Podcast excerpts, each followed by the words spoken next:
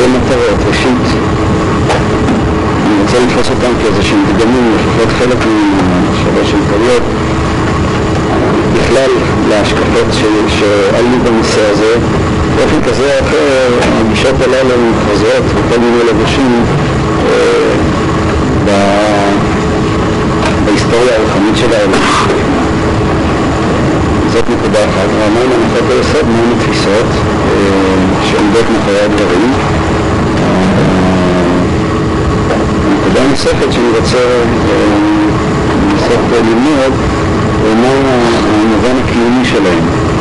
אמרתי לכם שאני בפילוסופיה, מה שהרמב"ם עצמו אמר כאן ביחס להשגחה, הזכרנו את הדברים שהעניין לא מתחיל, זה לא מתחיל בפילוסופיה, אלא זה מתחיל בתפיסה קיומית וחוויה, בהתנסויות שיש לו לאדם בעולם, והפילוסופיה היא רק אחר כך גיבוי של אותן תחושות שאדם חש אותן, שוחר אותן, של ראיית המציאות שיש לו, ככה הרמב"ם אמר. גם ביחס לפילוסופים שראינו את זה, שלמעשה מכיוון שהייתה להם איזו הסתכלות מסוימת על העולם, אז אחר כך נתנו להסתכלות הזאת איזושהי פרשנות. אבל הדבר לא התחיל מתוך השיקול הפילוסופי הקרוב. ולכן אני ראשית כל רוצה לבחון את השיטות הללו מבחינת מה הם אומרים מבחינה פנימית.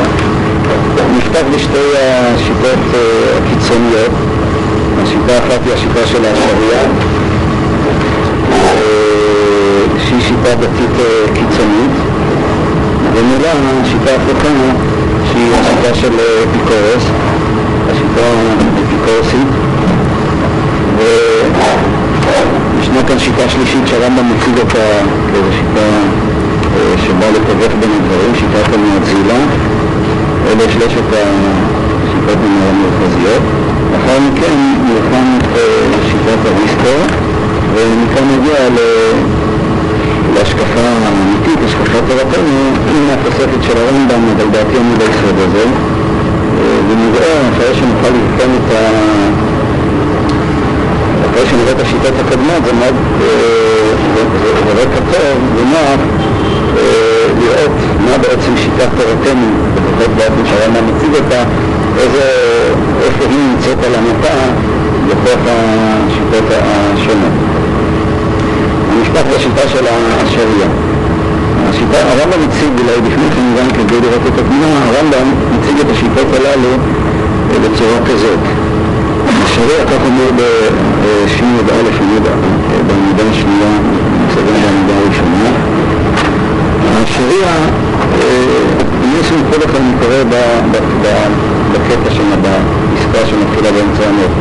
אם יש סמכו לך ההשקפות הללו, והוא שכל מה שתראה במצבים השונים של אישה בני אדם רואה אותו אריסטו מקרה בהחלט ורואה אותו השארי תוצאה של הרצון המוחלט ורואה אותו המואזלי תוצאה של חוכמה ורואים אותו אני תוצאה של מה שהאדם ראוי לו כפי מעשיו אם כן יש כאן אה, הרמב"ם אה, כאילו מסובב את השיטות ואומר שהשריעה היא מואצת את אה, מה שקורה ברצון לעומת זאת, אריסטו, בענייננו והמפורש יתאים בעניין, תופס את הכל כמקרה, הוא מועצה לגזר את הדברים מתוך החוכמה, והתורה גוזרת את הדברים כתוצאה של מה שאדם ראוי לו כפי מעשיו. מה המשמעות של מה שאדם ראוי לו כפי מעשיו, איזה מקום זה תופס ביחס לרצון המקרה ולחוכמה, גם זה מזה, בכלל זאת קטגוריה, זה לא שייך לאותה סקאלה. בכל זאת כאן הרמב"ם רואה את הנקודה, את הפואנטה של השקפת התורה. אם כן, השאר רואים את הכל תוצאה של הרצון. מהי השיטה של השארי של השריעה? השריעה, לא זוכר כאן אם הזכרתי את זה בשיעור או לא, השריעה היא ענף של שיטת הקלאם. הקלאם זה דבר, דיבר, זאת שיטה מוסלמית, שהמוסלמים כשהם באו במגע עם הפילוסופיה היוונית ועם הנצרות, יצאו לנסח את עיקרי האמונה שלהם באמצעים פילוסופיים ולמעשה צמחו שתי שיטות עיקריות. שיטה אחת הייתה השיטה של השריעה, שהיא של ענף של הקהלם, היא שיטה, הייתי אומר, אורתודוקסית הקיצונית. שיטה נוספת, נכונה יותר, שיותר ניסתה לפשר בין האמונה המוסלמית לבין הפילוסופיה, הייתה שיטת המרזילה, שהיא באה להרכיב את הדברים. ורבים מחכמי ישראל, גם הראשונים באמת הושפעו מהמואזילה, כמו רס"ג, רבנו בכיה וחלקים מהשיטה של וכן הלאה. שיטת השריעה היא שיטה דתית קיצונית, והיא באמת דגם לשיטות נוספות. היא בעצם, בצד מסוים, שיטה מאוד פרדוקסלית. היא טוענת שלאדם אין לו בחירה, זאת נקודת המוצא. כל מה שנעשה, הוא נעשה ברצון מקל. אני אקרא את הדברים, אני קורא בשיטות בסופר. ונתחייבו בשיטות בשורה האחרונה, ונתחייבו לפי השקפה זו, שיהיו כל תנועות החי ותנוחותיו גזירים. כלומר, כל מה שהחי עושה, הדבר הזה גזירה מלמעלה. ושהאדם אין לו יכולת כלל לעשות דבר שלא לעשות. אין לו לאדם יכולת וגם לא בחירה. מתחייב עוד לפי השקפה זו שיהיה טבע אפשרי בטל בעניינים הללו. כלומר, אין אפשרות, מושג של אפשרות שיכול להיות כך או יכול להיות אחרת, איננו קיים. ושיהיו כל הדברים הללו או חיוביים או נמנעים. כלומר, אין אפשר אלא או שהדבר הוא הכרחי או שהדבר הוא נמנע. וכך אומר הרמב"ם, הוא מתחייב עוד לפי השקפה זו, שיהיה עניין המצוות בלתי מועיל כלל. כלומר, הציווי האלוקי הוא בלתי מועיל, שהרי אי אפשר לדבר על ציווי במקום שבו אין בחירה. אם הכל נגזר מלמעלה, אם כן, עניין המצוות הוא בלתי מועיל. כי האדם אשר ניתנה לו כל מצווה, אינו יכול לעשות מאומה, לא לקיים מה שנצטווה בו ולא להימנע ממה שהוגר עליו. הרי אין לו לאדם את הבחירה את היכולת. אם כן, מהי משמעותן של המצוות? מהי משמעותן של, של, של, של, של, של, של הקיום של רצון השם? ואמרה כת הזו שהוא יתעלה כך רצה לשלוח ולצוות ולהזהיר ולהיום ולהבטיח וליירט ואף על פי שאין לנו יכולת, כך הוא רצה. הקדוש ברוך הוא רצה לשלוח ולצוות. ואפשרי שלחייב אותנו יותר מאות, דבר הזה אפשרי, שהקדוש ברוך הוא יחייב אותנו בדבר שאי אפשר לעשות אותו. וכולי. הוא מחייב את עוד השקפה זו שיהיו פעולותיו מתעלה ללא תכלית, כלומר אין תכלית לציווי האלוקי. וסבלו קודם כל הזהויות הללו למען שלום השקפה זו עד שאם ראינו אדם שנולד צומח פה עבר, שלא נוכל לומר שכבר קדם יחיד שבו מתחייב לנו זה, לא כך רצה. כלומר, זה לא התוצאה של צדק, אלא תוצאה של הרצון האלוקי. אז אם רואים אדם שנולד עיוור, תינוק, לא אינך יכול לומר שהוא חטא, אז הם אומרים כך רצה. ואם רואים החסיד הישר נהרג במילים, הוא אומר כך רצה ומעבר בך. כי אפשרי לדעתם ביחס להשם שייסר מי שלא חטא ויגמר טוב לחטא. הקדוש ברוך הוא איננו כפוף לציווי המוסרי, הוא נמצא מעל המוסר, מעל הטוב והרע, ולכן הקדוש ברוך הוא יכול גם לייסר את מי שלא חטא ולגמור טוב לחטא. בניגוד לרמב"ם, שרמב"ם אומר לא ככה, הרמב"ם טוען אה, בשי"ב א', השקפה שאגב היא לא מקובלת כל כך היום, שהקדוש ברוך הוא, חייב להיות מוסרי, נקרא לו במשפט שלו, ואמרו בפירוש בכל מקום, כי חיובי בהחלט ביחס לא יתעלה הצדק, כלומר לפי הרמב"ם, הקדוש ברוך הוא חייב לנהוג אה, בצדק. המוסריות האלוקית היא חלק מהמהות האלוקית. הקדוש ברוך הוא לא יכול שלא לנהוג בצדק, ההשקפה שכפי שאמרתי לא מקובלת היום, בדרך כלל, למשל אם עסקנו בשיעור הקודם, בשבוע הקודם בעקדה, הרי בדרך כלל מפרשים את העקדה, שהעקדה באה ללמד שהקדוש ברוך הוא מעל המוסר, הוא איננו כפוף לחוקיות של המוסר. האינסופיות האלוקית היא כאינסופיות מלאה, מוחלטת וכן הלאה, היא איננה כפופה ומחויבת למוסר. הקדוש ברוך הוא, אם הוא רוצה, הוא יכול להיות מוסרי. אתה בא ללמד שיכול גם שלא להיות מוסרי. הרמב"ם לא סובר ככה. הרמב"ם סובר שחיובי בהחלט ביחס לא יתעלה הצדק. השאלה טוענת לא ככה, הקדוש ברוך הוא איננו חייב ללמוד באופן מוסרי, לכן הוא יכול לייסר מי שלא חטא ולגמול טוב לחוטא. כן, ההשקפה הזאת מעמידה את הכל על הרצון האלוקי, שהוא המנהיג היחידי של המציאות. אולי אה, אפשר להוסיף, אה, השריעה בנתה לצורך העניין הזה אה, גם פיזיקה, שהרמב"ם מביא אותה לאל בחלק א', א' פרק ע"ג בהקדמה השישית, למעשה זאת פיזיקה אטומיסטית. הפיזיקה הזאת מפרקת את כל המציאות לאטומים זהים, אטומים שהם אטומי זמן ואטומי חומר שהם חסרי איזושהי איכות, והקדוש ברוך הוא הוא זה שכל אטום זמן קובר את המציאות.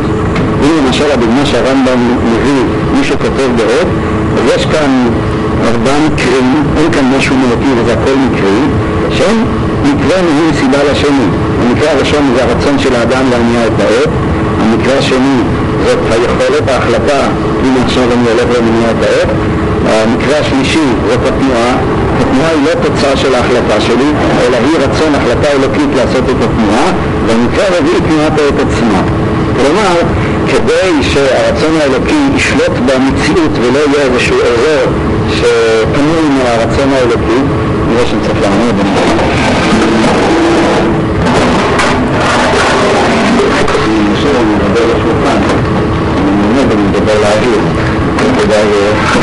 לדבר מעט באוויר, בכל זאת זה יותר קליט. מה? מגניב? אני לא יודע. טוב, מה? לדבר לבני אדם זה קשה, לא התיקון של אפילו הראש, לפעמים בשונים, אנחנו ככה, עדיין לא בתיקון הזה. אפשר להסתכל לפעמים מהצד, אבל... טוב, השיטה הטומיסטית הזאת זה, זה דבר מאוד אופייני אצל הראשונים. הראשונים, זה גם אצל הרמב"ם אה, קיים, הראשונים תמיד נתנו גיבוי פיזיקלי לתפיסה האידאית שלהם את המציאות. כלומר, כאן אנחנו רואים דיון בשאלה של הרצון האלוקי, השליטה האלוקית, אבל הם תמיד נתנו מימוש לעניין בפיזיקה של העולם. למשל, בהקשר שלנו, העולם הוא מורכב מאטומים, אטומי זמן, משום שברגע שאתה אומר שיש כבר משהו אז הקדוש ברוך הוא שולט עליו מבחוץ. אם הדבר קיים לעצמו, אז יש כאן איזו מציאות שהיא מחוץ להוויה האלוקית האינסופית. כיוון שהמגמה של השיטה הזאת היא לומר שאין שום דבר חוץ מהרצון האלוקי, אז פירקו את המציאות לאטומים, שזה בעצם החלקים הקטנטנים ביותר שאין להם קיום למעשה אה, עצמאי. אגב, זה שבכל זאת יש איזשהו אטום, זה רק מראה על הכשל של השיטה, כלומר בסופו של חשבון עדיין הם מייצרים במשהו, ותמיד שיטה כזאת מייצרת במשהו, אבל לא משנה כרגע לענייננו, הם פרקו לאטומים של זמן. ברגע שיש איזשהו רצף, אז יש איזושהי זיקה בין הקטע הראשון של הזמן לקטע השני. לכן הם אומרים, יש חלקיק של זמן, החלקיק של זמן הוא תמיד נברא, נוצר מחדש ברצון האלוקי. כל חלקיק וחלקיק בפני עצמו. כל זה בא לתת את, ה, את, ה, את הגיבוי לכך שהרצון האלוקי שולט באופן אה, מלא במציאות. אה, אין שום מקום שהוא פנוי עם הרצון האלוקי ואין בעצם מציאות. אין מציאות בעלת איזשהו משך, בעלת איזשהו רצף, לא רצף חומרי ולא איזשהו אה, משך זמני.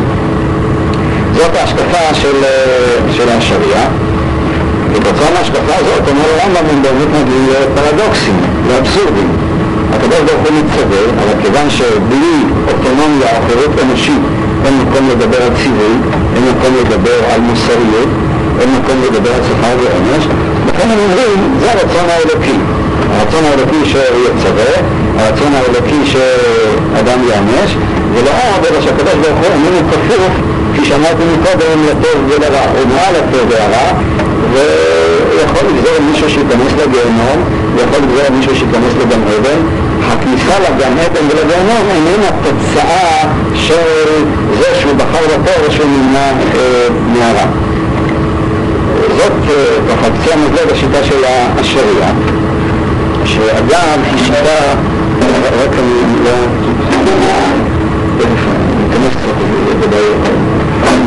זאת שיטה שמופיעה בהיסטוריה בכל מיני צורות, אפילו יש לה אפילו הבינלאומיות, כפי שנראה בהמשך.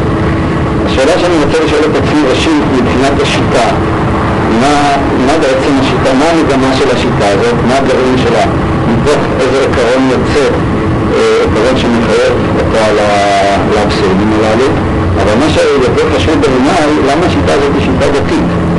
השריעה הללו הם המוסלמים האדוקים,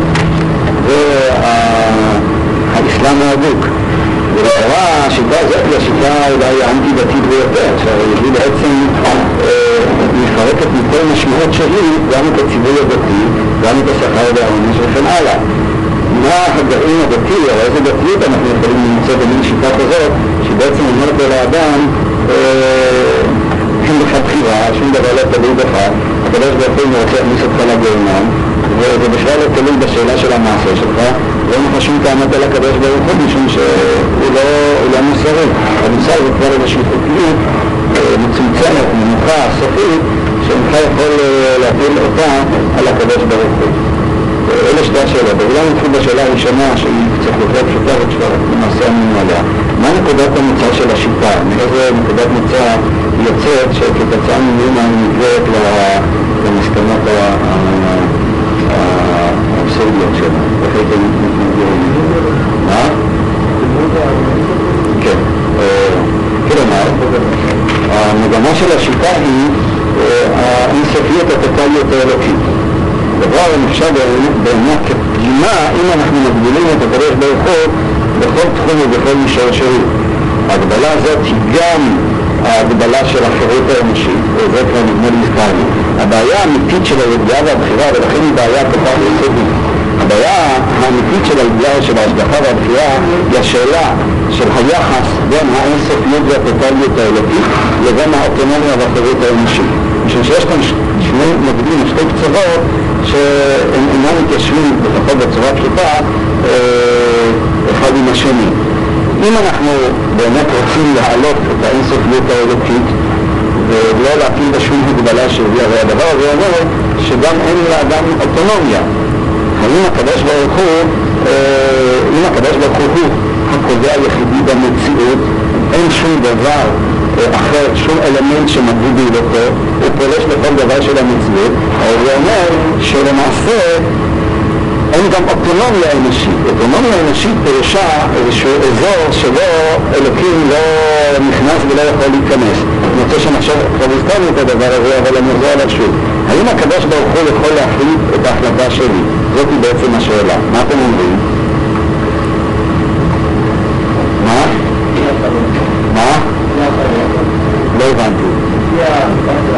לפי השריעה, אז אין החלטה שלי. העניין הוא מסובך. הקדוש ברוך הוא למשל יכול להפחיד אותי, אבל זה, זה דומה למישהו שיבוא אליי נגדה. אם הוא יאיים עליו עכשיו עם נגדה, ויאמר, או שתיתן לי חמש עבירות, אני לי חמש עבירות ללא ספק. אבל בכך אין עדיין עיבוד של החירות שלי, משום שבאיזשהו מקום עדיין אני החלטתי, אף על פי שברור לחלוטין שאני מחליט. זאת אומרת, יש כאן לפחות מבחינת האני שלי, האיום הוא חיצוני ביחס לאני שלי, ביחס לאותו אה, מקום שממנו אני מחליט, לפחות בתפיסה הזאת. הקדוש ברוך הוא יכול לעשות יותר מזה, יכול להשתיל בתוכי מחשבות. מה דעתכם על הרעיון הזה? האם אז הוא בכל זאת מחליט את ההחלטה שלי או לא?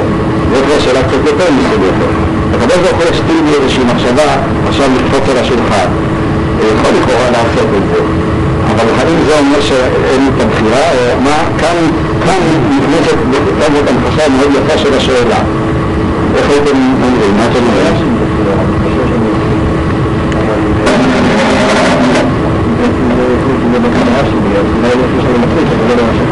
האם יש עוד משהו שנמצא בהחלטה חוץ מחשב שאני מחליט? זאת השאלה העדינה.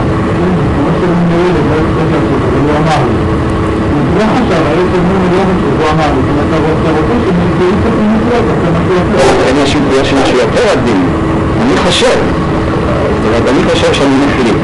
האם אני חושב שאני מחליט זה אני מחליט, או שאני חושב שאני מחליט זה אני לא מחליט. הקדוש ברוך הוא יכול לעשות שאני אחשוב שאני מחליט את הם אומרים, אבל הוא לא יכול לעשות את שאני אחליט.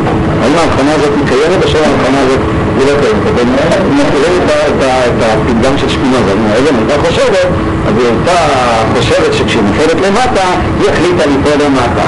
וזהו בעצם רצה לפתור פה דיכוטומיה. אין אני מחליט ואני חושב שאני מחליט, אלא יש רק אני חושב שאני מחליט, וזה אשליה שאתה בא ומוסיף עוד אני מחליט. זה בעצם השיטה, ואני חושב שהצומת שלנו בו היא מאוד, היא בדיוק ממחישה את העניין. השאלה, האם הקדוש ברוך הוא יכול לפלוש לאני עצמו, לאני מחליט עצמו, שזה האני. ושהרי האני הוא זהות עצמי, אין כאן עוד משהו, הקדוש ברוך הוא כאילו יכול תמיד לשנות את הנתון החיצוני, הוא יכול להנגיש את הסטנדר הזה, בגלל שאני לא אראה את הסטנדר. זה הוא יכול לעשות. יכול, כפי שאמרתי, אפילו את המחשבה, משום שבסופו של דבר אני גם חושב על המחשבה כמשהו שנמצא מחוץ על האני. אבל האני, שהוא הזהות העצמית, לכאורה שם הקדוש ברוך הוא לא יכול להיכנס, זה נובע מעצם זה שאני הוא אני. וזה, שאני הוא אני, הקדוש ברוך הוא, זה כבר מילה מוחלט מפרספקטיבה של הרמב"ם. זאת למעשה השאלה, אם כן, של הידיעה והבחירה. אם אני בא ואומר שיש השגחה האלוקית, הידיעה האלוקית, הגזרה האלוקית היא מוחלטת, היא טוטאלית, וזה היה האינטרס של אנשי השריעה, אם כן, באותו רגע אין לו לאדם חירות, אין לו לאדם אוטונומיה. אין בעצם אני, במובן שאנחנו מדברים אה, על אני כאני שקיים בפני עצמו, כאני אוטונומי, כאני שהוא מקור למה שלא יהיה. יכול להיות שלא מקור לפעולה, אבל לפחות הוא מקור להחלטה, הוא מקור לרצון או משהו כזה. מצד שני, הגישה הפוכה, הגישה שהרמב"ם מצדד, והרמב"ם יראה בהמשך רואה ברצון אה, משהו, בבחירה משהו מוחלט, הדבר הזה גורר שאומר שיש אוטונומיה מוחלטת, אבסולוטית, שאלוקים לא נמצא בה. הוא יכול, כפי שאמרתי, לגעת גם מבחוץ ותעתע בה, אבל היא אותה עצמה, לפגוש אליה פנימה, לא יכולה בעצם הגדרתה כאוטונומיה, כמשהו של רואים עצמו, כדרגת יחידה שבנפש, שמשתמש במערכת הכללית. עכשיו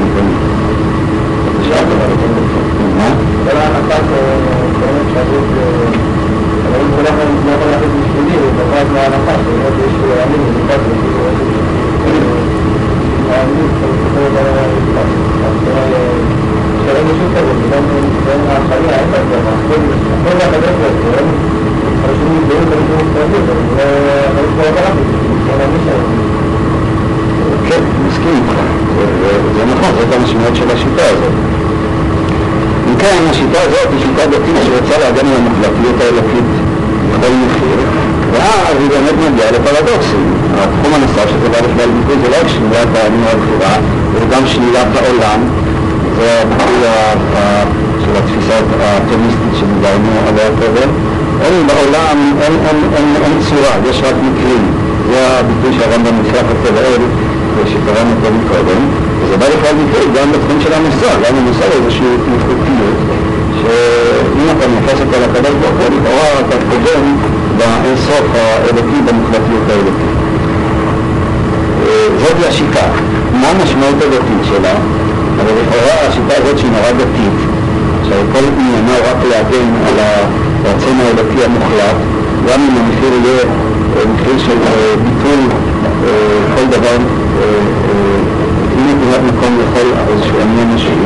היא באופן פרדוקסלי, אגב אני רוצה, אחד הדברים שאני רוצה להוכיח כאן, שכדרכם הרב כזאת בכמה מקומות, שהקצוות, הדברים החוטאים ביותר, מתקרבים לפי הרבה. כמו שכתוב בקבלה שמעט סופן בתחילתם. יש דמיון רב לפי דעתי בין הפיקרס לבין השריעה. כלומר בין החילונים הקיצוניים לבין הדסים הקיצוניים, ואנחנו יודעים שניהם הם קנאים, השמאלנים הקיצוניים הם הקנאים, הערבים הקיצוניים הם הקנאים, אבל זה אחד של הדברים.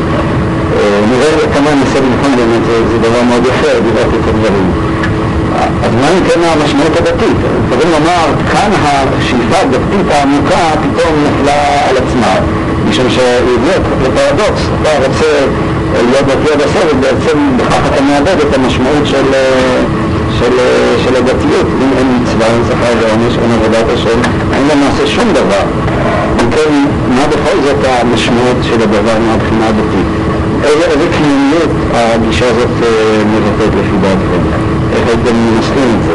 השאלה כמובן, אני יכול למצוא גם בתחום של התורה, השקפה, השקפה כזאת, בצורה הזאת, אין.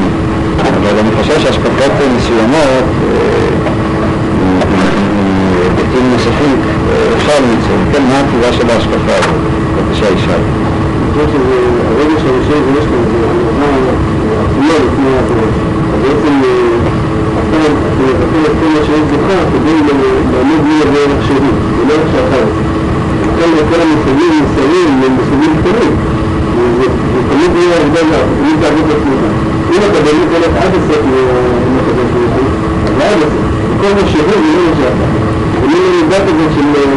כן, אבל אני חושב שאתה לא נותן לזה דין וחשבון מלא, משום ש... זה לא משהו ולא מה שאתה, אין בכלל את התמונה.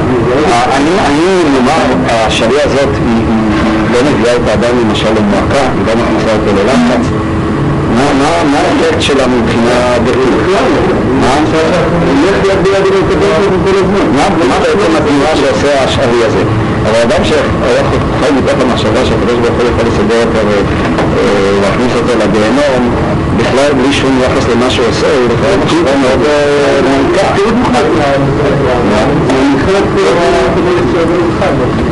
אז מה קורה לו? איזה תנועה הוא כן עושה? תנועה שלמה. תנועה של השלמה. אין את היכולת לעשות ממש נשמע, כאילו הוא יודע שאין שכר ולא משהו. לא לעשות. לא לעשות. מבחינה דתית, זה נותן את ההזדמנות להיות ממש לגמרי נשמע, כי הוא יודע שזה... יש כאן תפיסה בעצם שאומרת שהכל הוא חסר משמעות. זה מה שהרמב"ם מבטא כאן במשפט, שכמו פעולתה מתעלה ללא תכלית. אין תכלית. כלומר, מה שבולט כאן לעין זה חוסר המשמעות. אבל השאלה, אם כן, מה טיבה, כך רמב"ם אומר, אין תכלית. אם אין תכלית, אז אין משמעות. אז, אז אם כן, אתם צודקים, אתה רוצה להוסיף עוד משהו? זה אסור לתת רופש עצמי. אני חושב שזה זכית להפרות בניטשה,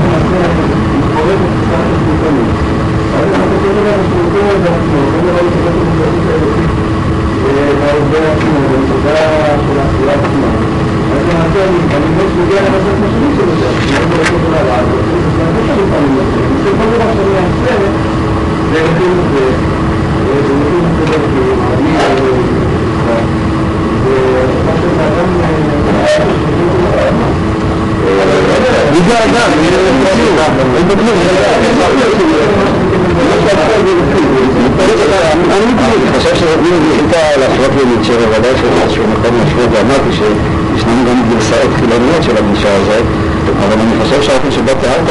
האפשרות היא קיימת, יש אפשרות, יש פוטנציה בגישה הזאת בכיוון שאתה אומר, אבל זה לא תיאור נכון של השריעה.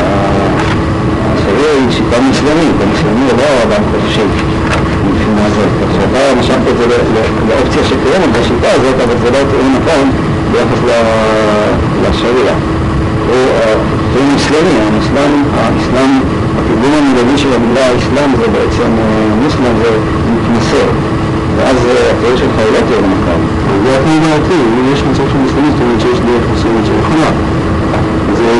זה שאלה לכל מה שטען, כל הזמן. זה לא שאלה לשום דבר, זה לא דבר חוץ ציבה. אני מעוניין לקרוא משהו ציבה. אני מעוניין לקרוא משהו ציבה. אם מעוניין לקרוא משהו ציבה, זה נכון, אבל העניין עצמו הוא חסר עניין, אם ננסח את זה. זה לא שאין עניין, אבל יש עניין שאין עניין. זה בעצם הנקודה כאן. חבל. איזה פלן טוב? של השריעה. להבין מה, איזה דברים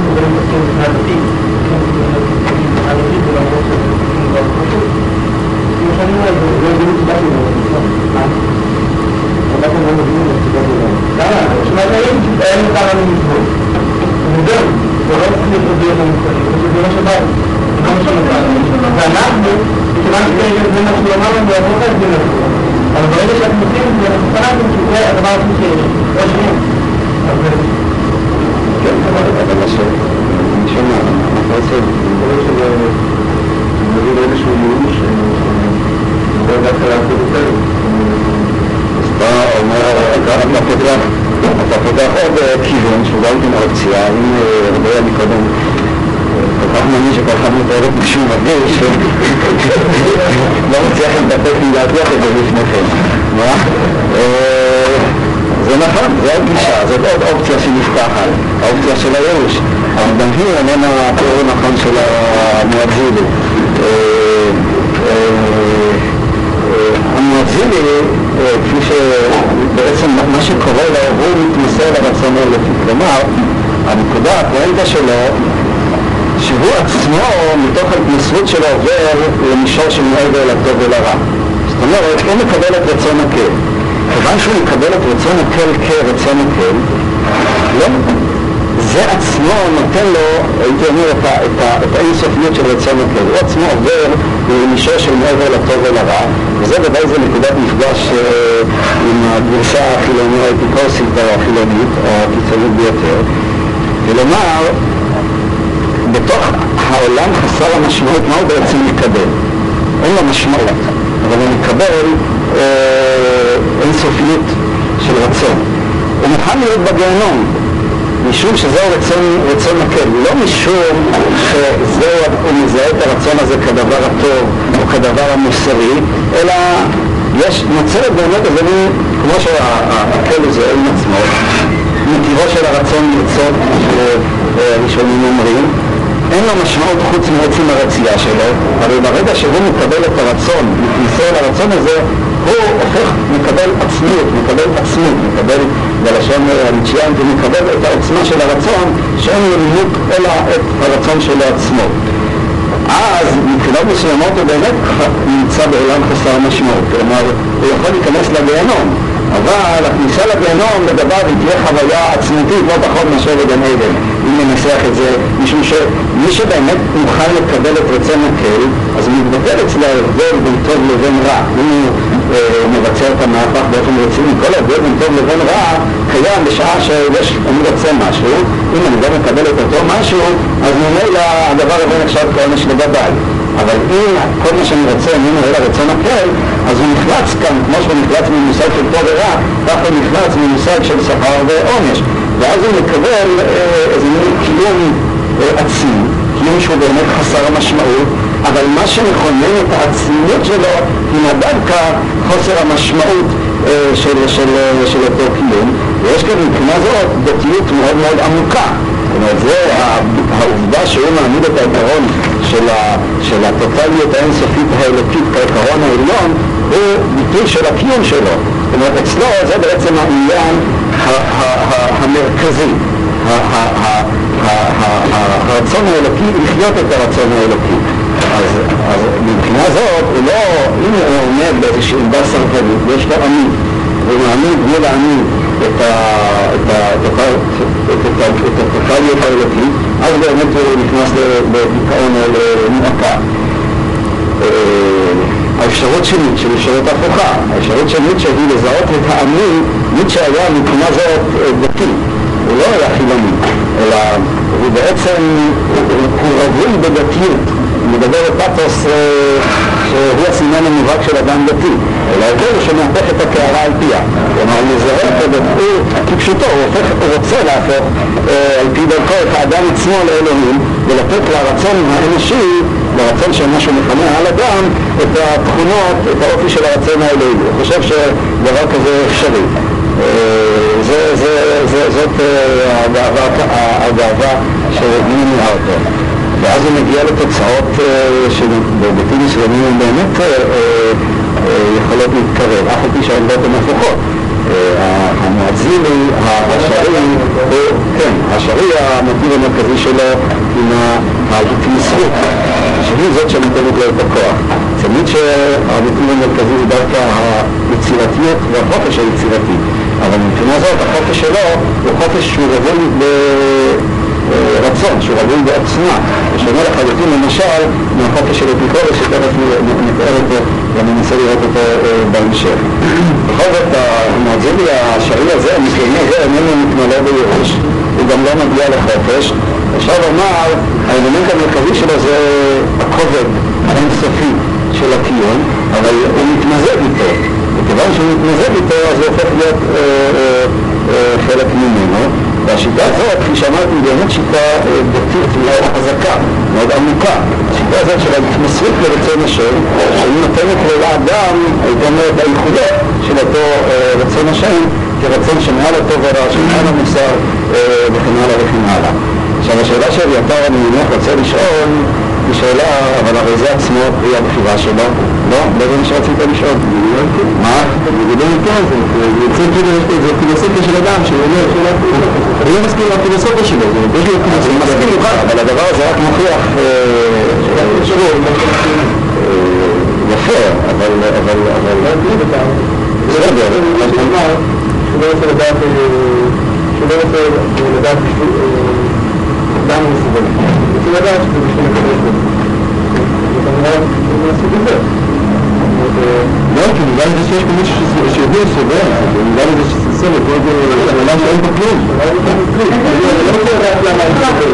עכשיו, אני לא יודע אם הצליחה, זה נכון, אז אני אומר לך, הוא אמר אני מתנסר, נקודה. עובדה שאני מתנסר, אבל מבחינה אמיתית, בשיטה הזאת, זה את מבחינה פילוסופית הוא אמר אני מצביע על העובדה, נקודה, אני מתנסר. לא מודיע פה עבודה, זה אין פסילים עברית. בואי שהוא רק יכול לבוא ולטעון שמבחינה פנימית ופסיכולוגית הדבר הזה הוא לא אפשרי, וזה נכון. אני לא משוכנע שיהיה כאן בהכרח איזשהו קשר פילוסופי בסתירה פילוסופית. הוא ויאמר, הנה אתה רואה שאני מתנצר, fact, עובדה. מה תעשה לו? כן, אבל לא אומר החלטתי להתנצר, הוא אומר מתנצר, הקדוש ברוך הוא גזר שאני מתנצר, אז אני מתנצר. מה?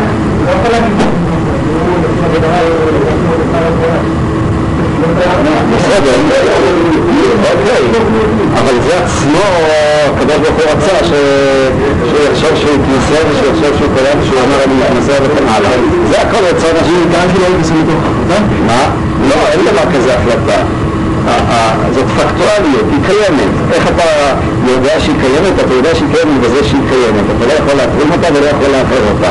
אבל זאת היא הנקודה שיש כאן בשיטות האלה, וגם כאן יש איזושהי נקודה מאוד עמוקה. זאת נקודת האחדות, כלומר הנקודה שהדבר הזה לא עם עצמו, ואתה לא יכול לדבר עליו לא כאפשרות ולא כלא אפשרות. הדרך היחידה לעמוד עליו הוא בכך שהוא קיים. אגב, זה, זה, יש כאן נקודה נכונה, אם ניקח למשל מושג של אמונה. אנחנו הרבה פעמים רוצים להאמין, מחפשים הוכחות לאמונה. האמונה, כיוון שהאמונה, לפחות נאמרים לגבי מושגים חסידים, נשארת באמת לדרגת יחידה שבנפש, לדרגת הכתר, יש לפי החב"ד, יש כתר, בכתר יש את הרצון, יש את התענוג ויש את האמונה. אמונה היא גילוי של עצמך, אמונה היא בדיוק נקודה כזאת, אמונה היא לא דבר, היא לא אפשרות. או שאתה מאמין או שאתה לא מאמין. אבל קיים בכך שהוא ממומש, הוא לא יכול להיות קיים כאפשרות, אלא הוא זהות אחת עם עצמה, עם עצמה. ולכן בחב"ד תמיד אמרו לי שהאמונה היא גילוי של דרגת היחידה שבנפש, של אותה נקודה של אחדות.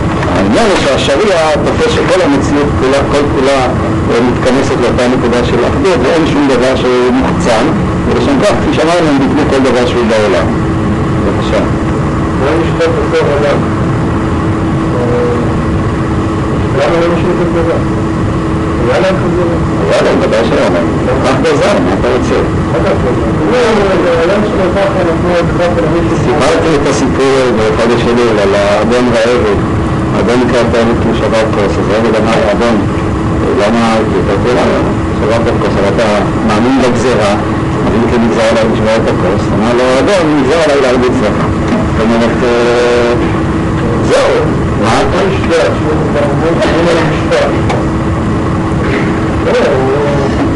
יודע שזה מעבר לבוקר, המאמין הגדול, האדם הזה, אנחנו מאוד מאוד קצת מסתכלים בדיעבד עליו.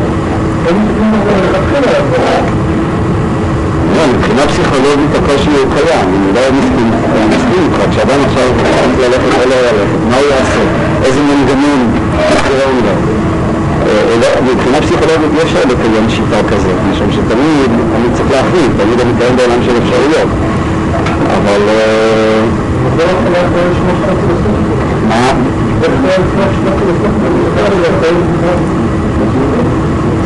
לא הפילוסופית, הציוניות היא מאותה חוויה שהיא חוויה דתית מאוד עמוקה וטוטאלית שנגע עם הרצון, עם האחדות, עם הזהות. האדם, החוויה הדתית, אחת החוויות הדתיות העמוקות ביותר היא באמת החוויה הזאת, החוויה של, שבלשון שלנו להבדיל במסכת פילית התרתם מיני. כלומר שהאדם מזהה את עצמו וכל מה שקיים במציאות עם הרצון האלוקי, שאין שום דבר שהוא יוצא מהאחדות האלוקית. הרצון הזה שיצר אותו, יש איזושהי נקודה שהיא מאוד עמוקה, הנקודה שאומרת שאינך יכול לדבר על משמעות לפני אלוקים, אלוקים הוא הדורש של המשמעות. וכל משמעות מבוססת על מישור יותר רחב של חוסר המשמעות, ולא עוד, אלא שאם אתה רוצה לממש ולכונן משמעות, אתה רוצה להביא את עצמך כאילו לחוסר המשמעות שרק מתוכו אפשר לכונן משמעות. זה בעצם הנקודה הדתית העמוקה, שמי שהגיע לנקודה הזאת זה נותן לו פיצוץ אדיר מבחינת הנקודה האמונית.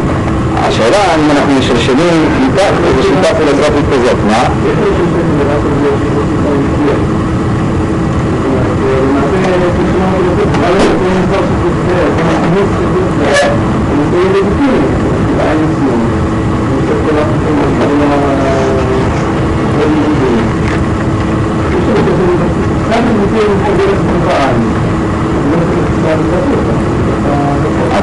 כן, אבל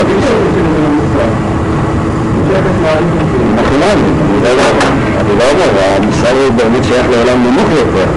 הוא שהשיטה הזאת שוללת כל דבר מחוץ לעצמה, נסברת לעצמה.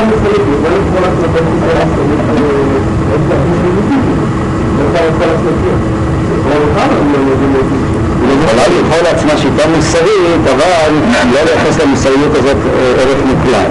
הקדוש ברוך הוא רוצה שנהיה מוסריים או משהו כזה, או שננהג באופן מוסרי.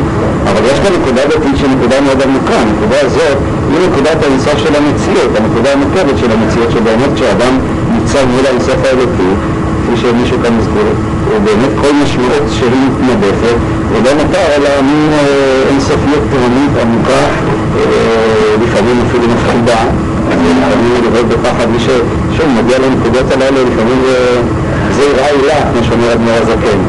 גם הפחד מפני הדבר השם בגיונו, זה לא היראה במובן שלנו, זה ממש פחד במובן של חרדה, של דעתה, של, משהו נורא. בסופו של חשבון זה השורש כאן גם מאוד סטול, לא ניכנס לענייני קבלה, השורש העליון של הגבורות. אבל לכן השיטה הזאת היא באמת שיטה דתית, היא שיטה דתית מאוד עמוקה, והיא מבססת את כל כולה על ההתמסרות לרצון השם וקבלת רצון השם. בבקשה שאל.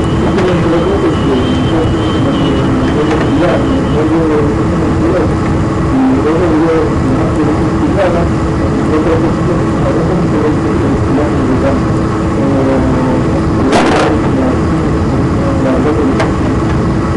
תפילת נדבה, אבל זה לא נדבה, זה חסר משמעות. זאת אומרת, היא קיימת בעולם חסר משמעות, אבל חוסר המשמעות שלה דווקא פותח אותה בפני עצמיתיות, שמבחינות אחרות אתה יכול לומר שהוא מאוד משמעותי.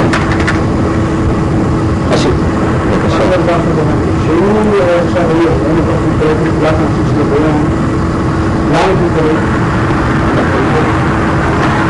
לי מורה לאנגלית, אני לא יודע אם סיפרתי, שכל פעם שהיינו שואלים אותו למה, הוא היה מצטרף לו, אל תשאל ממני למה. היה מרגיז אותי, מה אתה שואל למה? ככה, מדברים אנגלית. מה פירוש למה תצטלל? אם אתה שואל למה, השאלה עצמה כבר מכניסה אותך למלכוד. היא שאלה לא חוקית, היא לא עולה על. משום שבלמה זה אתה מניח כבר שיש איזושהי סיבה ואני צריך להכין וכן הלאה. כל ההנחה הזאת היא הנחה מאוד פסולה. לא יעזור שום דבר, כל ההתפקלויות הללו לא יעזור לך. אתה מנסה לעשות מבצע בלתי אפשרי.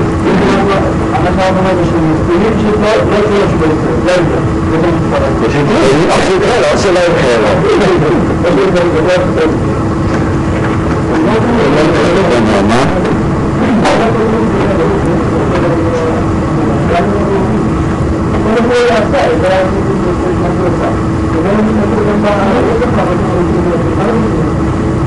כן, זה השאלות ששאלו כאן, תשובה אמפירית, זאת אומרת, עובדה שהוא מתמסר, נקודה. השם רצה שהוא יתמסר. איך אתה יודע שהשם רצה שהוא יתמסר? הנה אני רואה שהוא יתמסר. הנה חינמי, השם רצה שהוא לא יתמסר, לא יטען שהוא יתמסר, אלא הוא יטען שהשם רצה שהוא לא יתמסר.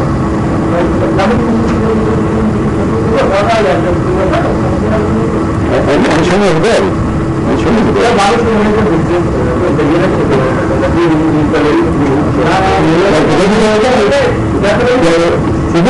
ירגיש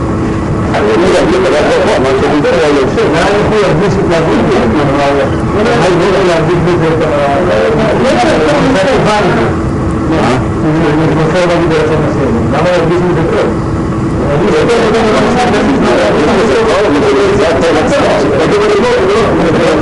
ומה אתה מתייחס לתפילה וזה נשמע קצת בצורה קנטרנית? אז אתה לא מוכן לספר לנו. לא, אם תיכנס לראש הזה, אם בזה התלהבות עצומה, זה לא... הכלל העיקרון שנמצא כאן, שבעצם משמעות היא תמיד קיימת על איזשהו בסיס חסר משמעות, זה עיקרון שהוא נכון, זאת אומרת, הוא עיקרון מאוד תהומי, אבל הוא, ממנו, זה נקודת היוניקה של האינסוף, זה לא, לכן אני אומר, בנקודה הזאת לא הופך אליו. טוב, נעבור לשאלה של אפיקורס. אפיקורס הייתי אומר, היא שיטה, אני אגדיר אותה פה, האופן שבו אני רוצה להציג אותה, זה נכון. לא, פורס. אה, זה אפיקורס,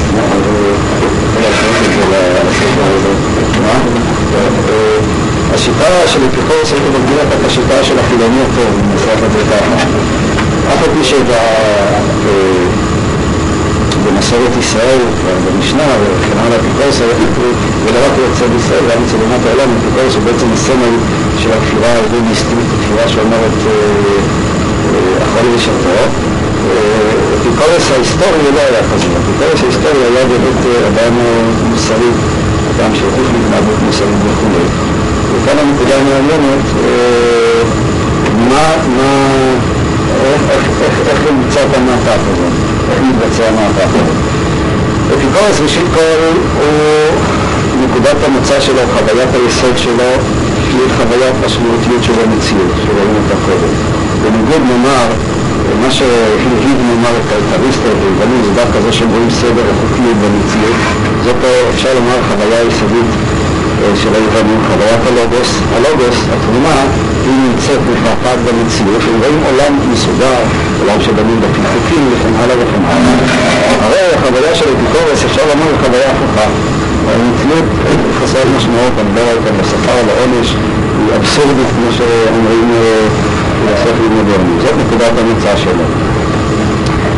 כיוון שכך, על הרקע הזה של עולם אבסורדי שהוא חסר משמעות מבחינת עצמו, גם הוא בנה לעצמו פילוסופיה, פיזיקה, לא אפרט אותה ואני לא מכיר אותה לפרטו, אבל פיזיקה אטומיסטית, שאומרת, כדי לכונן איזשהו הסבר פיזיקלי, מכני, במציאות, שכאמור יגבה את העובדה שהמציאות נוהגת באופן שרירותי וחסרת חוקיות, אני גם כאן שהעולם מורכב, זה מאוד אופייני, העולם מורכב מאטומים, אטומים שהם חסרי איכות, ההבדל ביניהם רק הבדל צורני, והצורה שלהם ובגודל שלהם, והאטומים הללו באיזשהו אופן נעים בחלל ומתנגשים אחד עם השני, וההתנגשות הזאת היא זאת שיוצרת את האיכויות השונות, צבעים שונים של האטומים. כלומר, יש כאן רצון לתת כאילו רדוקציה חומרית למקריות, ואז כדרכם של המטריאליסטים, כדרכם של שיטות כאלה, הם מסתכלים להסבר חומרי. ההסבר החומרי בעצם הוא צמצום של איזו סיבתיות הגיונית. החומר פועל באופן אלים במקרה, חומר מנהגי החומר, מזיז חומר וכן הלאה, ואין שום איכות במובן שאיכות היא כבר מחייבת איזשהו הסבר, למה זה ככה ולמה זה לא אחרת, אבל אם הכל עומד על כמותיות טהורה, אז הכל נחלק איזה מין כוח גס של מקריות. זה בעצם ההשקפה הפיזיקליסטית שלו, וכיוון שכך, כן, אין, אין מקריות, אין, אין, אין חוקיות, אין היגיון, המציאות אין בה לוגוס, הלוגוס לא חדר, לא מתחתיה במציאות, ובאמת אין גם צדק במציאות. שוב אנחנו רואים אה, אה, קווי הדמיון, שתי השיטות הן שיטות אופטימיסטיות, מה שמופיע אצל השריעה כרצון מופיע כאן כמקרה, חוסר המשמעות שיש במציאות, גם הוא, אה, גם לא שותפות שתי ההשקפות. יחד עם זה, ההשקפה הזאת של אפיקורס, הוא, הוא, לא מביא אותו, היא לא מביאה אותו להתנהגות חסרת מוסר. הוא אומר לנו דבר כזה, וכאן יש נקודה מעניינת, הוא אומר בעצם, וכאן הפן האידאליסטי שלו, אני פועל רק מתוך מה, מה שטוב. זאת נקודת המוצא שלו. אבל, וזה כאן מתחבר לנפנה, מה שטוב לי, כל אחד יודע שלא מה שטוב לי הרגע הוא מה שטוב לי באופן כללי זה מציאותי. יכול להיות שכרגע כל מיני מתנהג באופן לא מוסרי, אבל אם אני אומנם רוצה להגיע לאושר, אם אומנם אני רוצה להגיע לאיזושהי הרמוניה עם עצמי, עם המציאות, אז עליי להתנהג באופן אה, מוסרי. זאת אומרת, הוא אומר אני מוסרי, אבל אני לא מוסרי בגלל שיש משמעות למוסר, או בגלל שבאמצעות המוסר אני אזכה לעולם הבא, או שיהיה לי שכר על המוסר או משהו כזה, אני מוסרי משום שאני מחפש את מה שטוב לי, אבל אני יודע שמה שטוב לי זה למעשה אה, לנהוג באופן אה, אה, מוסרי. כך למשל, מאוד בולטת לו ההחלטה של הידידות בין בני אדם. מכל הדברים, כן, ביחס לידידות גם כן מפתח את ה... יש להגיד מהפך כזה. יש איזו ידידות שקיימת, אנושית שקיימת בין בני אדם, רעות. לא מבוססת על איזושהי משמעות, על איזושהי אה, אלטרואיזם או משהו כזה. ושיטה באמת בתועלת, אני מחפש את הטוב, הטוב בזה שאני רואה ידידים. אני גם מבין שבשלב מסוים, אם אני אשקול את הדברים רק לפי הטוב הפרטי שלי, אז לא תהיה לי את הידידות וגם לא יהיה לי טוב. לכן, הידידות בשלב מסוים, זה אומר יש לבחור למענה, איזושהי ידידות עמוקה בין בני אדם, אף היא לשיטה בתועלת. כלומר, אם ננתח לעומק את השיטה, ההדוניזם אצלו בעצם, מה תפקידו? אולי נשאל אתכם. איך הוא מתפקד? למה אה, אה, הוא כל כך עומד על הרגליים לטעון אני דואג רק לי? מה, כל כך אכפת לו? אף על פי שהוא מבין היטב שאם הוא נדבך את החבל הזה עד סופו, אז באמת לא יהיה לו טוב. הוא חייב בשלב מסוים לדלג על הטוב הזה. אבל יחד עם זה, הוא אומר, נקודת המצע שלי זה חיפוש של הטוב. החופש של הטוב. מה?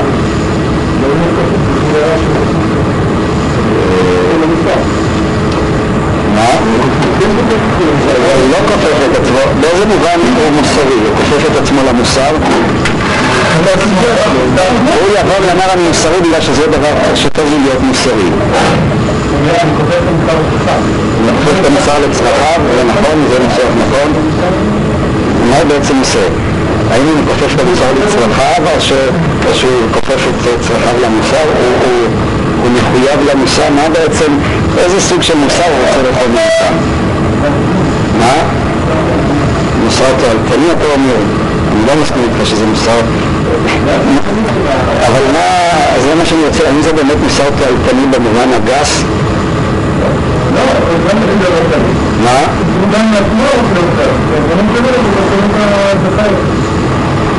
כלומר, מה שבעצם הוא רוצה, וכאן הנקודה, הוא, השאיפה שלו היא באמת גם כן לכונן עולם חסר משמעות. למה הוא רוצה לכונן עולם חסר משמעות? משום שרק בעולם חסר משמעות, אז הוא יכול לממש, אם נשתמש במונח אה, מהעולם שלנו, הוא יכול לממש את.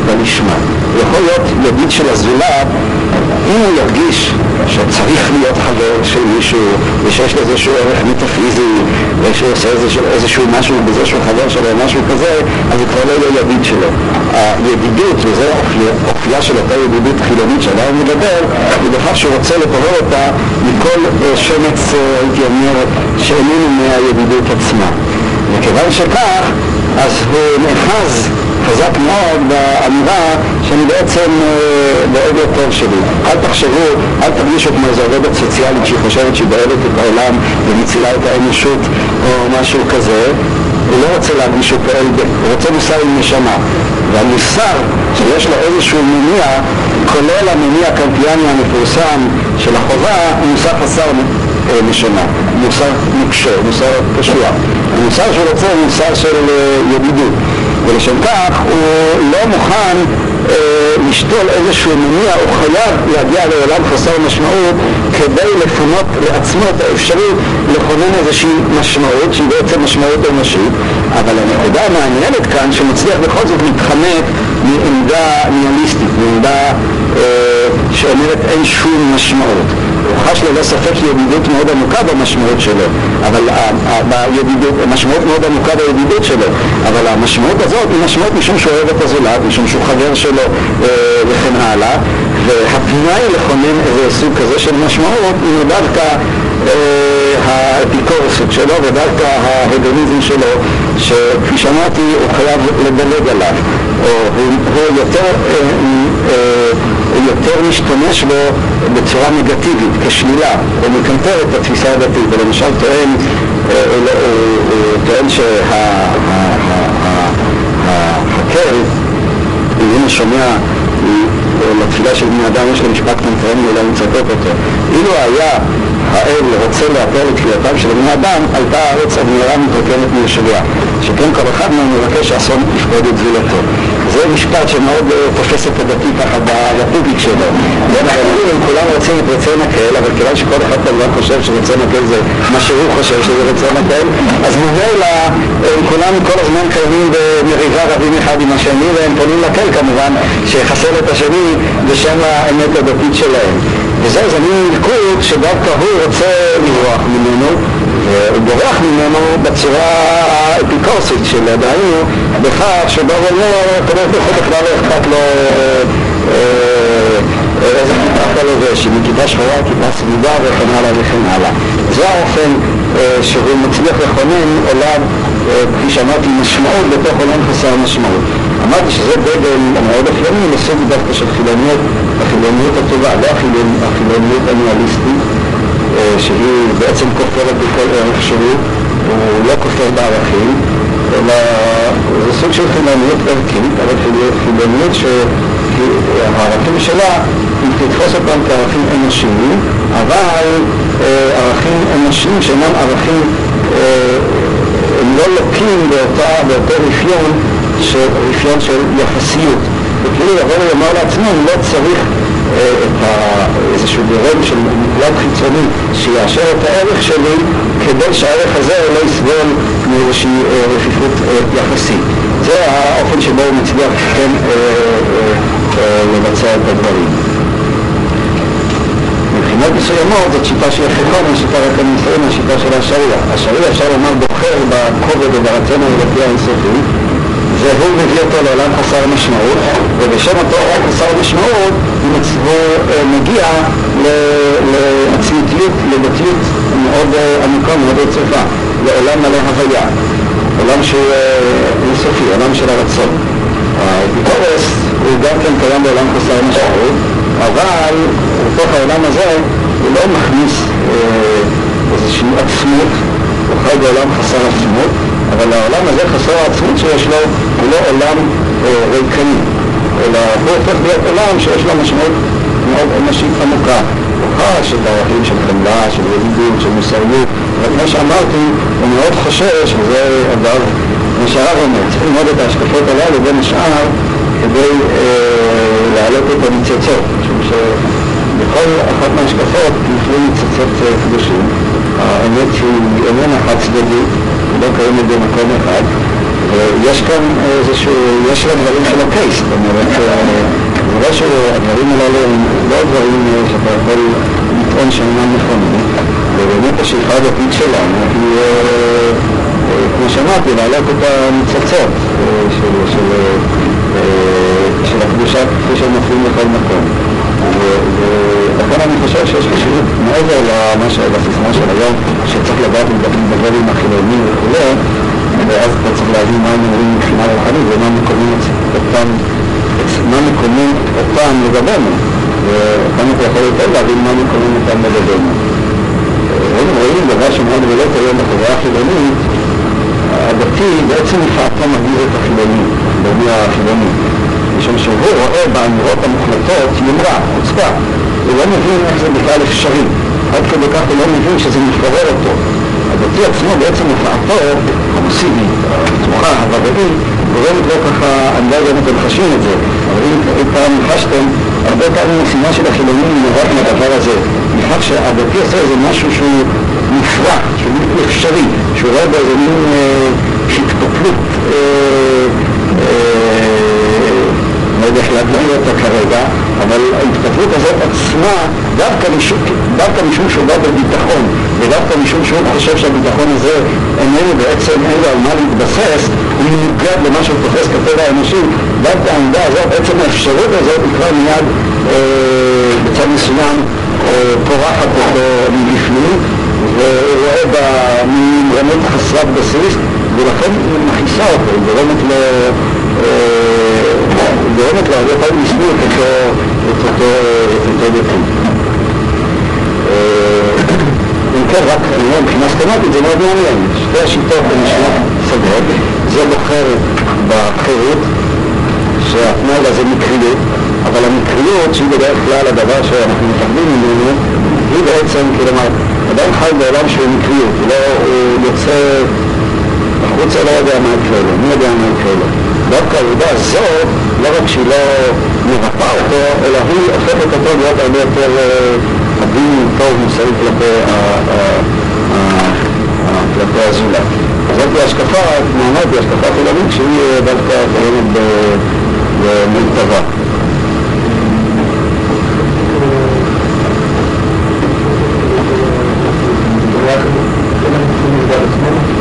אני חושב שזאת אמירה אחרת, כמו שבשעה שיש מלחמה כולם יהיו טובים אחד לשני ויוצאים בפרונטים וכשיש איזה מישהו קורא משהו ואנשים יוצאים במצוקה הם מאוד מופתעים אחד כלפי השני אז עצם התחושה הזאת שאין לך שום דבר שאתה נמצא באיזה מקריות הדבר הזה הוא בצד מסוים באמת נותן לידידות הרבה פעמים לא לבוא ועוד שעולם שקיימים בו דברים מוחלטים אז הוא לא יכול שלא לפזול למוחלט כמה שננסה להתעלם ממנו, אבל עצם העובדה שבאופק קיים גורם מוחלט שהוא כאילו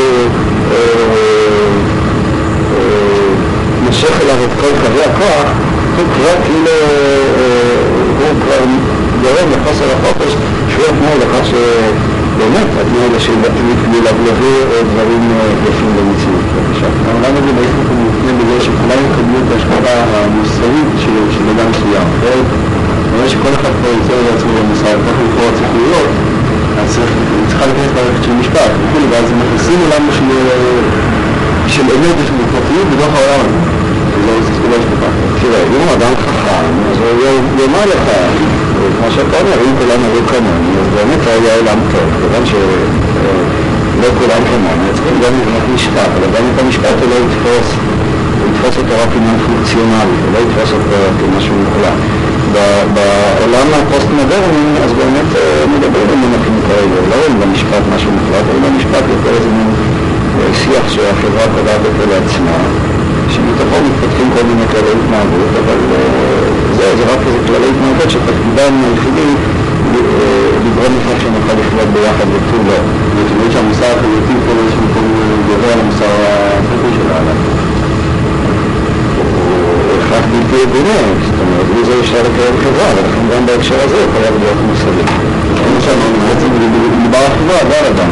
אם אדם יחליט שהטוב לא, זה כן נפגע, אני אומר יש סוג אדם כאדם, כאדם פרטי, לא מספיק בקיא בהשקפה הזאת, אם באמת הוא רצה להפעיל אותה גם על החברה.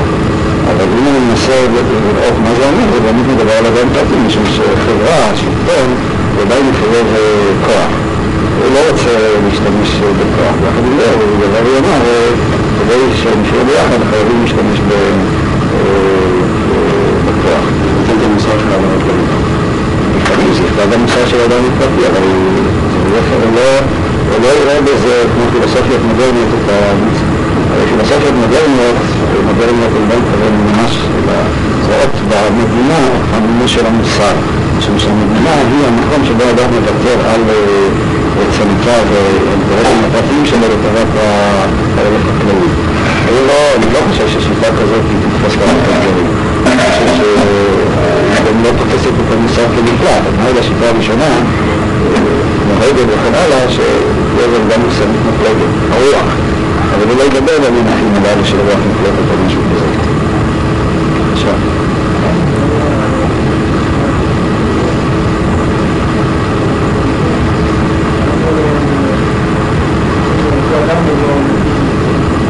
כן, אבל הם יכולים להיות חברים. אתה לא מאמין שאפשר להיות חברים, נגן יחד על הגיטרה, אשר נחמן אומר, אשתך חיים, מה... מה? יש חברות כזאת. בטוח שתמיד אנחנו עד כדי כך רעים, לא יכולים אף פעם, מה?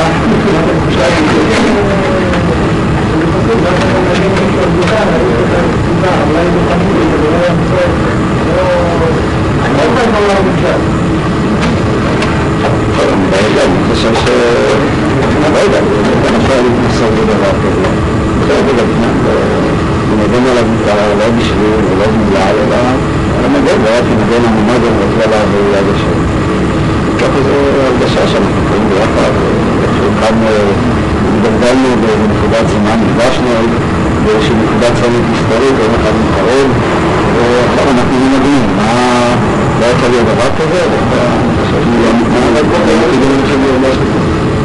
הזמן שלנו. אדם דתי תמיד שואל, עכשיו עושה מצוות שעובר על איסור, אבל הוא חושב להביא לתאר. ואם לא הביא לתאר, אז הוא כבר נמצא איזשהו נימוק למה הוא צריך לעשות את זה. מה הערך, אחר כך, וכן הלאה. זה בעשייה, אבל בעצם הנושא של ההתבטאות הפשוטה. אולי הוא לא יעשה משהו בגלל שאני אצלם, אולי שאני לא סובר שעצם הבטלות חייבת להסתרת הידידות, אחרת לא. אבל יחד עם זה יש כאן ביקורת חריפה על הדתיים. ופעמים רבות אתה מוצא אצל הדתיים, יש כאן דברים לא עשויים מאור אחד, אבל יש סוג של דתיות שכן מתנגשת בידידות הפשוטה. והאמירות הקנטרניות שלו יש לה מקום, רק צריכות להצביע על כך שאנחנו באיזשהו מקום צריכים גם לטפל את עצמנו, זה הכל. אני גם מסכים מה שנקרא אמר, שכאילו לא יכול להיות דבר כזה. אולי לא יכול להיות טוטאלית, אבל אבל למרות שאין לך חבר, אתה קורא לזה כמה דברים גדולים ביותר שאדם יכול לזכות בהם בחיים, זה לא לא פחות מפני לך רע ולא פחות מלהתחתן. אם אדם זוכה להתחתן עם אישה שגם עם החברה שלו, גם שיש גם ידידות, ולא רק זה, זה בכלל דבר גדול, אבל זה בכלל עניין שמוביל במחוז זבן. זה צריך תפילה מרובה. שם אחרי האישה, אחרי ההנאה שלה, ניסיון מאוד, הניסיון מאוד בגלל המוחלט. דווקא מאוד, מאוד המשליבה הנוספת שלו. זאת אומרת, לבסס מוסר. הוא מוצא לעצמו שהוא האחרון. עכשיו, לא נשאר, עשה את זה לא צריך להתנצלו לבד להתחיל מריב. אבל המוסר עובד ככה, גם במציאות לא צריך להיות, יש פה איזשהו מוסר מאוד מאוד חזק, כאילו, בגלל העובדה שהאמירה האנליסטית, לכאורה, של הימים, כל מקום בעצמו, זה בכלל נשמע כמו תמוך. שאלה, והזכיר לי, חבר פעם סיפר לי, ולמדתי שהוא בצפת למערכת וואלה, אני לא יודע משהו מי היה, אז אתה יודע שחמור לו, אם אתה בעצם כאן מגמה שלך היא בחוץ, אבל זה רק אותו משקל אמר בריבו. זה אופייני לחפש מיד של בעצם גם הוא דתי, הנה, למה שתגיד את זה? מה, תן את הצ'אנס, מה? זה תנועה דתית, אם אתה כבר רוצה להכריח, אני מוכיח את זה בחזרה לעצמך. מה? אתה לא נותן לו את הקרדיט, אתה לא נותן לו את הקרדיט, לא מפרגן לו, מה? אני לא בטוח שהוא מתלהב, אני לא מרגיש את זה פאטוס, זה לא פאטוס, זה לא פאטוס. פאטוס זה כבר עמדה מוחלטת, בין אם זה פאטוס דתי, בין אם זה פאטוס חילוני. פאטוס זה הבור שהוא ייפול אליו, אם הוא יתחיל לדבר בפאטוס, אז הוא כבר הופך להיות קנאי לחילוניות שלו, ואז הוא כבר נפל לבור, אז הוא כבר בניגוד, אז הוא כבר דתי. כמו שאמרתי מקודם, ניטשה הוא בעצם דתי, לא משנה איזה חוקר את הפסק, וכבר הדבר הזה נאמר. לא לא אבל התגרשת מעצמו. שואל את המניע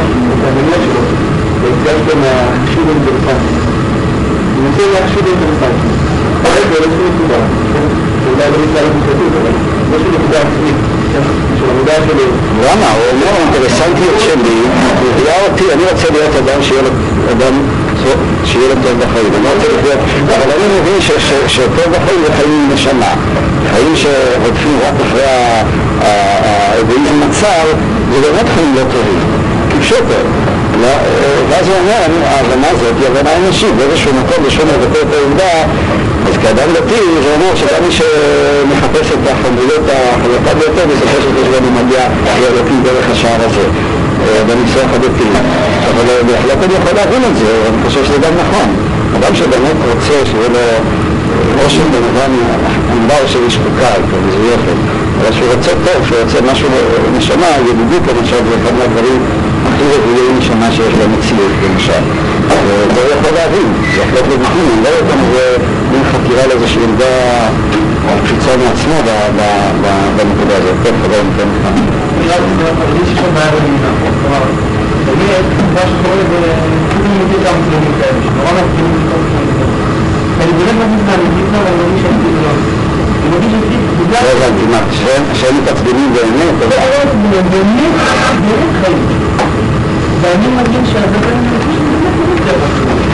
בגלל שיש לי דיון, בגלל שיש לי בגלל שאני כל הזמן בגלל שאני, בגלל שאני... לבדוק אם זה נשמע, אם זה לא חמור נשמע, בעצם מזיקה עצמה מוציאה את זה מוציאה את זה להיות נשמע. ואני מודע המון כמובן לחשוב על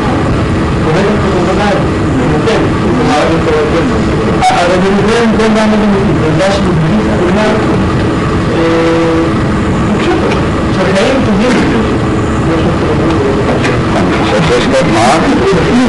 מה אתה? לא שמעתי. מה נעשה שפגשתי בימים טובים? מה נעשה?